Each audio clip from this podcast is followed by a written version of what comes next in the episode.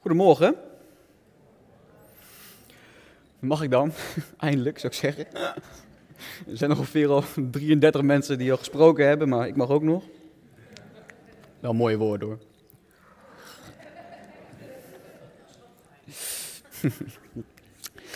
Jezus is licht. Daar wil ik het uh, vandaag met jullie over gaan hebben.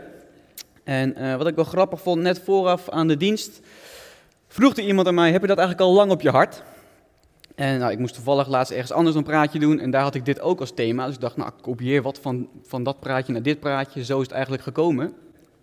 Maar ik kom er eigenlijk achter dat vandaag een fantastisch mooi moment is om precies over dit thema te spreken. We zijn het nieuwe tijd, uh, letterlijk een nieuwe tijd ingegaan. Een uurtje later wordt het wat donkerder. Hè?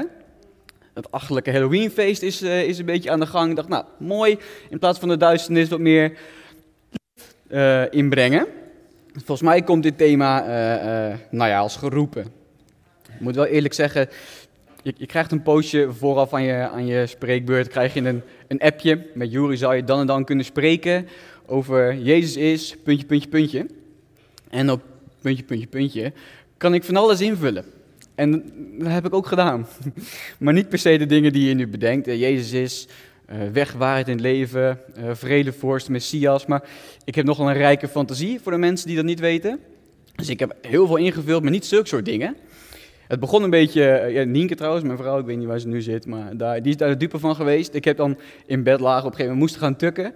Maar ik heb zoveel van die gekke ideeën gehad. Ik heb de slappe lach gehad, echt, ik denk wel een uur en we konden helemaal niet slapen. En op een gegeven moment lag jij om sowieso al te slapen.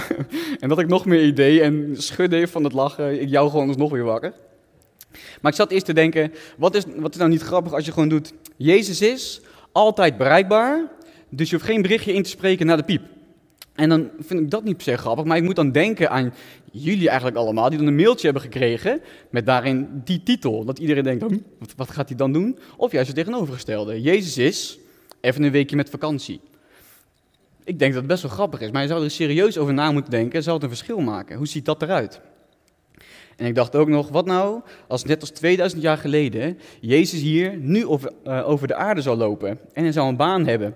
Zat ik te denken, Jezus als beleidsmedewerker bij de Albert Heijn. Best wel grappig. En als je dan bij de Albert Heijn werkt, weet je één ding zeker, je kerstpakket is goed gevuld. Maar dan wel met kilo's en kilo's brood en vis. Dat wordt hem niet. Nee, toch onhandig. En toen dacht ik, Jezus als gevangenisbewaker, is dat dan iets? Nou, ik denk het niet. Ik denk dat zijn eerste werkdag daar ook direct zijn laatste werkdag zou zijn. Want de eerste beste cel waar je langs loopt, die trekt hij open en dan gaat hij zelf in zitten. En jij bent vrij, net als bij Barabbas. En Jezus als taxichauffeur, ik denk dat hij dan de draak met je steekt.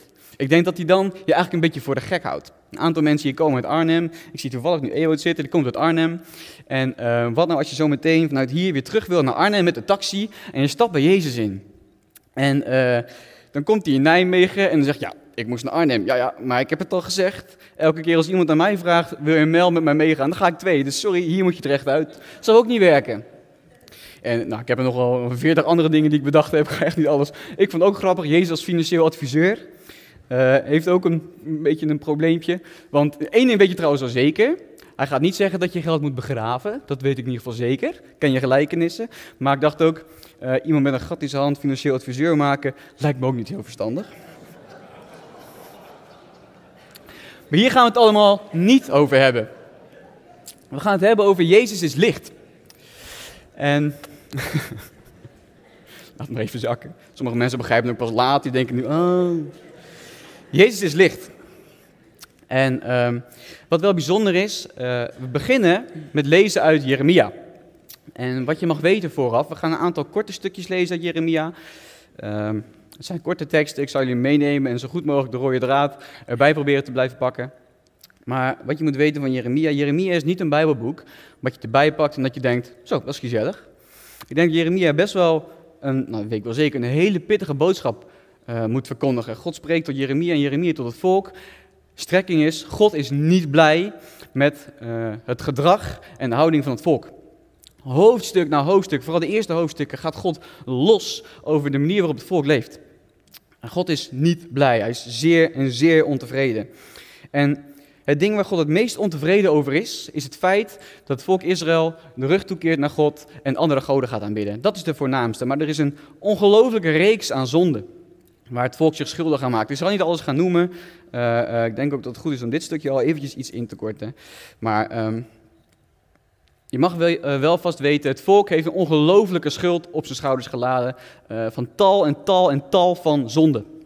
En we gaan het eerste stukje lezen, Jeremia 7. Alle teksten worden geprojecteerd, dus je kan meelezen. 7, vanaf vers 5 tot en met vers 7. En daar staat het volgende. Want God is ook heel duidelijk in wat het van het volk verwacht. Hij is niet alleen maar aan het vertellen wat hij fout vindt en wat er beter moet, maar hij zegt ook: Dit is wat ik van jullie verwacht. En daar staat dit. Als jullie je leven werkelijk beteren, als jullie elkaar rechtvaardig behandelen, vreemdelingen, wezen en weduwen niet onderdrukken, in dit land geen onschuldig bloed vergieten en niet achter andere goden aanlopen, jullie onheil tegemoet, dan mogen jullie hier blijven wonen, in dit land dat ik jullie voorouders gegeven heb. Zo is het altijd geweest en zo zal het dan altijd zijn. Maar wat nou als het volk hier niet naar luistert? Wat dan als het volk niet doet wat God hier zegt? Wat gebeurt er dan?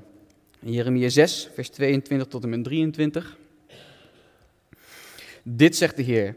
Er komt een volk uit het noorden, een grote overmacht. Ze komen van de einde der aarde, worden aangevuurd tot de strijd. Ze houden boog en zwaard gereed. Vreed zijn ze, medogeloos. Hun kruisgemoer klinkt als een bulderende zee. Ze komen op paarden aangestormd. Hun leger staat in slagorde, als één man gereed voor de strijd. Het richt zich, vrouw Sion, tegen jou. Een zware schuld. Een zware schuld heeft het volk op zijn eigen schouders opgestapeld, keer op keer gezondigd. En er zijn momenten dat het volk eh, zich weer richt tot God en dat God ze vergeeft en weer met ze verder gaat. En daarna gaat het elke keer weer mis. We hebben gelezen, God is boos, God is ontevreden. We hebben gelezen wat God verwacht van het volk. We hebben gelezen wat er gebeurt als uh, het volk niet luistert. Het wordt gestraft. En nu weten we, het volk is gestraft. Het volk is in ballingschap gegaan en verwoest. En het is inderdaad door het volk uit het noorden, dat we net gelezen hebben, is het um, overmand. Wat je moet weten, is, het klinkt heel simpel, en ik kom er een paar keer op terug vandaag, dat wat je doet, zit een gevolg aan verbonden. Je gedrag heeft consequenties. Klinkt volgens mij heel logisch. Kort stukje daarover in Jeremia 16, vers 12 tot en met 13. Maar u hebt, sorry, maar u hebt zich nog erger misdragen dan uw voorouders. U volgt de slechte ingeving van uw zondige hart en weigert naar mij te luisteren. Daarom zal ik u uit dit land verdrijven en u nog naar een vreemd land jagen waar uw voorouders, nog u, ooit zijn geweest.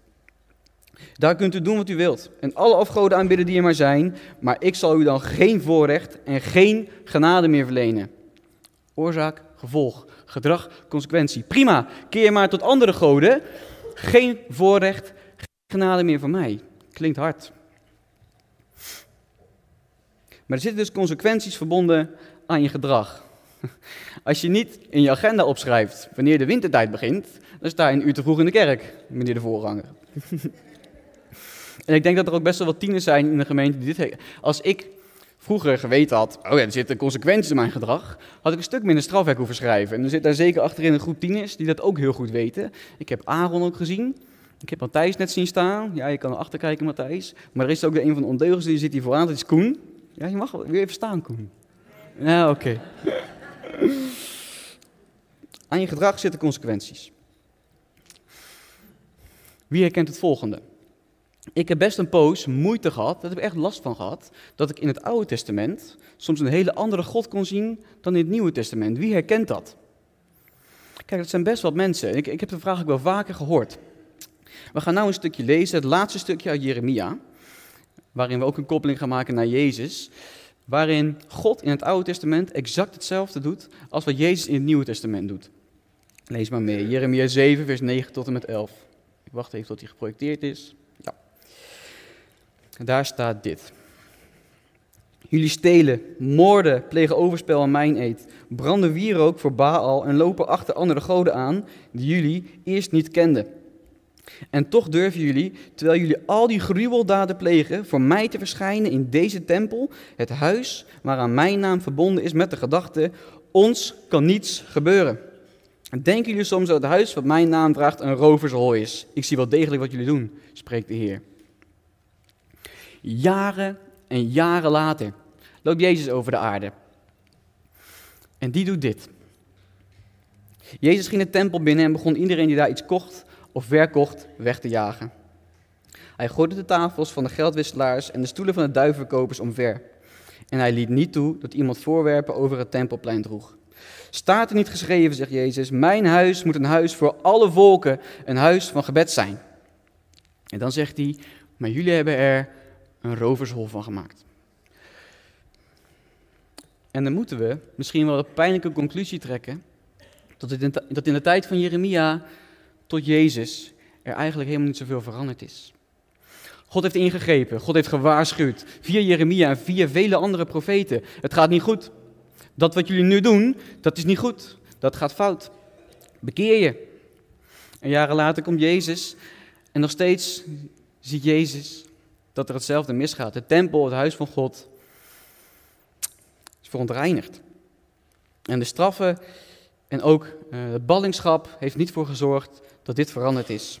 En God weet, het volk Israël en de mensheid gaat hier zelf niks aan veranderen. Deze schuld, deze ongelofelijke lading aan zorgen die het zelf heeft opgestapeld, daar kunnen ze niet meer vanaf komen. Ik moet licht gaan brengen in deze duisternis. En dan komt Jezus. Jezus is licht. En we gaan het laatste stuk lezen van vandaag, een kort stuk. Wel het belangrijkste stuk wat mij betreft. 1 Johannes 1, vers 5 tot en met 7. En daar staat dit. Dit is wat wij hem hebben horen verkondigen. En wat we u verkondigen. God is licht. Er is in hem geen spoor van duisternis. Als we zeggen dat we met hem verbonden zijn terwijl we onze weg in het duister gaan, liegen we. En leven we niet volgens de waarheid. Maar gaan we onze weg in het licht, zoals hij zelf in het licht is, dan zijn we met elkaar verbonden en reinigt het bloed van Jezus, zijn zoon, ons van onze zonde. Klinkt een beetje hard.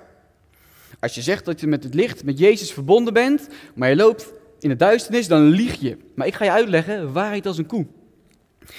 Ik moest denken aan, volgens mij is het museum in, in Arnhem in Nemo, daar brandt een lamp.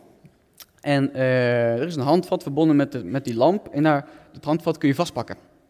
En dan gaat er een beetje van elektriciteit door onze, een beetje van, niet heel veel elektriciteit, een beetje, allemaal kinderen, maar een beetje van elektriciteit, dat is die fantasie, hè? heb ik dus nu last van.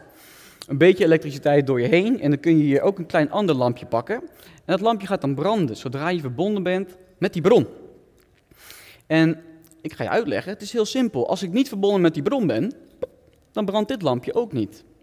Zodra ik me verbind, dan gaat het lampje branden. Andersom is ook waar, hè?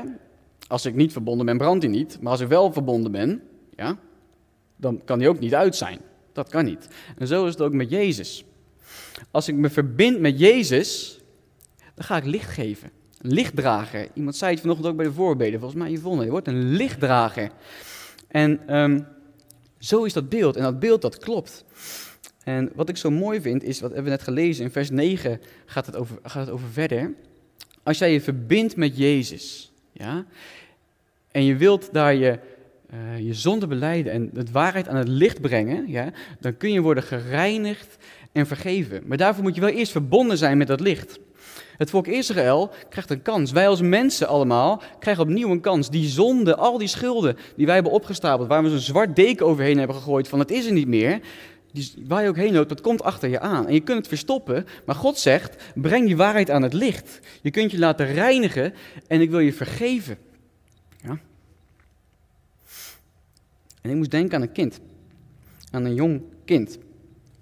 Kinderen kunnen zich ongelooflijk schuldig voelen. Ja? Kunnen zich heel erg schamen. En als ze dan betrapt zijn op wat ze verkeerd hebben gedaan, dan moeten ze soms heel hard huilen.